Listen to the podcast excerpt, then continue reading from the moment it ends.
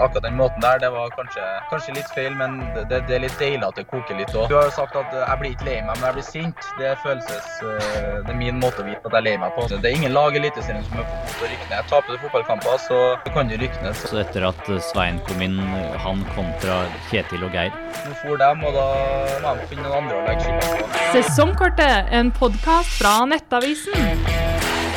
Velkommen til en ny episode av uh, Sesongkortet. Daniel har fått dimittert, så vi, uh, vi har stjålet studio, Stian. Vi har med eh, Olaus Garsheim. Det blir Rosenborg-prat i kveld? Det blir det. En litt utfordrende periode for Rosenborg, som har byttet trener og gått på to tap etter han Svein Målen tok over. Så det blir interessant å høre en en Rosenborg-spillers betraktninger om den siste tiden. Ja, for vi snakker jo veldig mye om folk og spillere, men vi streber jo som journalister å snakke med aktørene, og da er det perfekt å få inn deg, Olaus. Velkommen til, eh, til sesongkortet. Vi spøkte litt med det siden du sitter i bilen. Nå er det nye tider under Svein Målen med doble økter, og du så vidt rekker å skvise inn podkastepisode mellom, eh, mellom beep-tester. ha det nye tider. Hvordan er det helt ærlig nå å være lokal trønder eh, og Rosenborg-spiller for øyeblikket? Eh, det er jo selvfølgelig artig å være Rosenborg-spiller som trønder. Det betyr jo litt ekstra. Men så vil det jo si at det er litt ekstra kjedelig når det går dårlig også. Du vil jo ikke noe annet enn at det skal, skal gå bra. Det er jo klubben ditt hjerte. Så det er tøffe tider akkurat nå, men eh, vi er ganske klar på at vi skal få til å snu det her. Vi snakka litt om det i forrige episode, Stian. Da var det mye snakk om formasjonsendring 4-3, men at det kanskje stikker dypere enn kun å, bytte formasjon. Eh, Syns du det bærer litt preg av det på øyeblikket?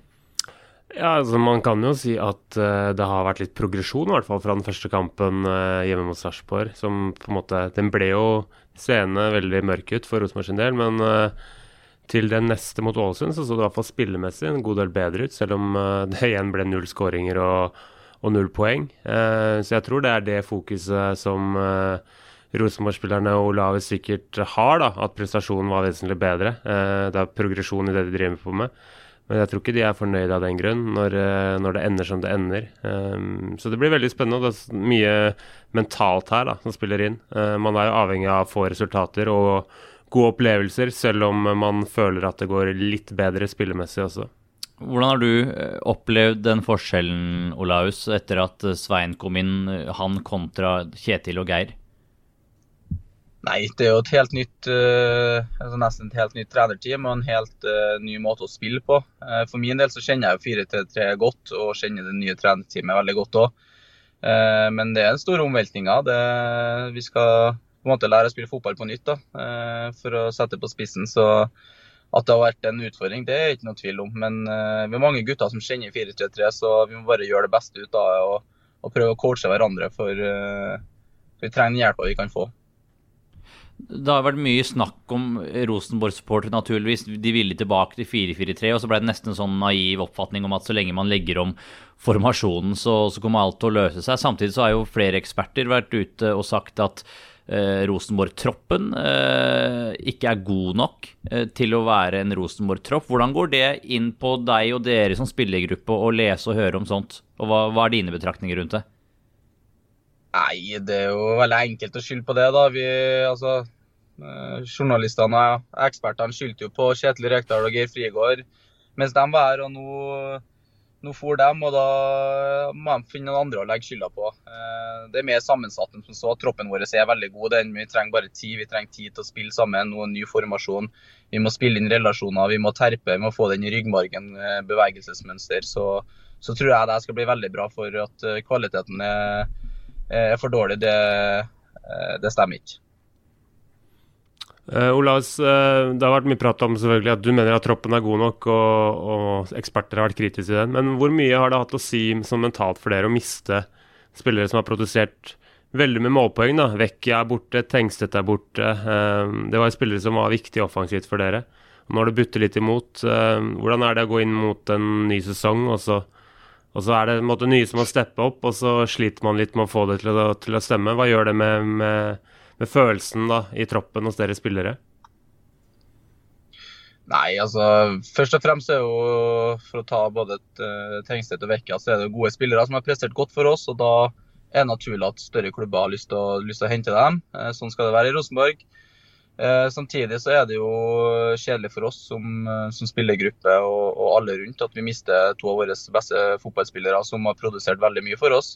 men det handler om å ta opp hansken, og det er nye spillere som får sjansen. og som må som må bevise, bevise, at de er gode nok. Eh, og det, så, sånn er fotballen. Det, når noen går, så er det noen andre som må inn og fylle tomrommet. og Det, det har ikke vi helt fått til, men, eh, men det, det, er ikke jeg noen tvil om at vi skal få til. Det sitter sammen med at, vi, med at vi, spillet vårt har ikke fungert. Eh, når spillet vårt begynner å fungere, så produserer vi mer sjanser, og da blir det flere mål. Da. Sånn som skjer forrige kamp nå, så har vi veldig mange store sjanser. Ole kunne fort hatt tre mål i kampen, liksom, og da da har alle sagt at nå, nå snur det, på en måte. Men uh, det skjedde ikke. De, de gikk akkurat utafor, dessverre. og da, da, taper vi kampen. og Da får vi pass igjen. Så, sånn er det å spille i Rosenborg. Det er Norges største klubb, og det, det er mye blest rundt. Sånn, sånn, vil det alltid være. Ja, for det var opp, oppfølgingen min, egentlig, Stian. Det er jo, som Olaus sier eh, når, det, når, det, er medvind, så er det sikkert ingenting som er bedre enn å være Rosenborg-spiller. Men når det er når er motvind, så blåser det voldsomt. Det er kanskje den klubben hvor det er de største kontrastene fordi det forventes så mye. Ja, som Olav sier, eh, pass. Eh, det har det vært en del av rundt Rosenborg den siste tiden. Alt fra før Rekdal var ferdig, med selvfølgelig mye supportere og misnøye, bannere, diverse.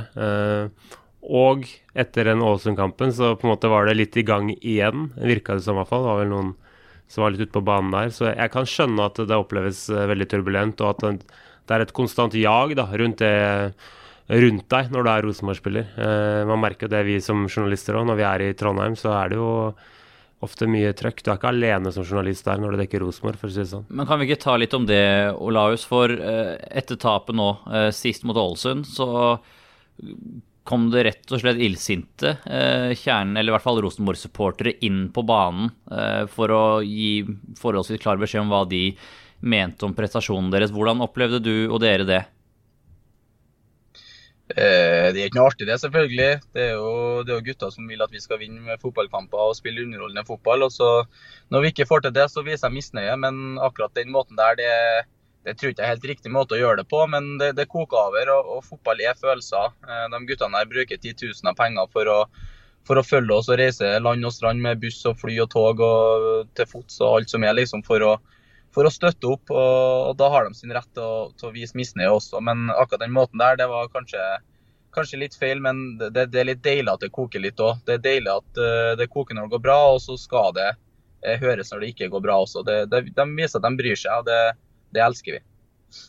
Ja, vi så jo bilder av i hvert fall um, Dahl Reitan som var borte også, men det mener jeg så noen bilder og det gikk noen rykter om at du også, uh, om ikke tok til motmæle, i hvert fall sa ifra hva du mente. Kan du si litt om, om det som ikke kom på TV, i hvert fall? Uh, ja. Uh, fotball er jo følelser.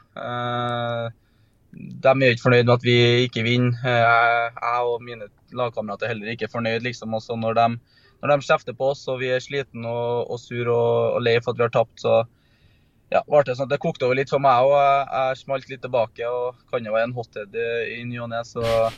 Men når, når alt kommer til stykket, så er vi glad i hverandre. Alle vil det samme. liksom, og da Fotball er følelser. og Det, det er ikke bare solskinnsdager med, med, fruen heller. liksom, Noen ganger så er man litt uenig der. og så, Sånn er livet.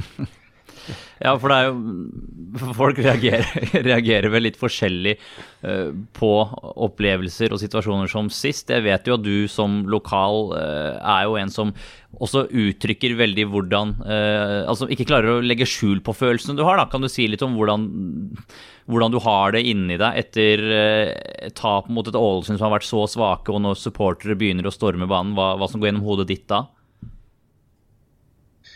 Nei, jeg er jo veldig forbanna fra før av. Jeg føler at vi fortjener å vinne kampen her, at vi er bedre, liksom. Også når vi, når vi får kjørt oss litt fra, fra våre egne, og da, da, koker det ganske over for meg. Så da blir jeg veldig forbanna, for å si det pent. Eh, eh, dama har satt en liten eh, ja, Hun har sagt at jeg blir ikke lei meg, men jeg blir sint. Det, følelses, det er min måte å vite at jeg er lei meg på. så det koker litt over, og jeg smeller litt tilbake. og ja, det, det, er jo ikke noe deilig å tape og det er ingen som vil det. Uh, hvert fall ikke når Det betyr jo litt ekstra for meg, jeg skal ikke legge skjul på det at Rosenborg er liksom klubben det er klubben i mitt hjerte, og jeg har spilt der siden jeg var, var 13 år. liksom, så det er ingenting jeg vil mer enn at vi skal få til å snu det her. og da, da hender det seg at det koker over når du taper på Color Line stadion uh, ufortjent. Det, det gjør det.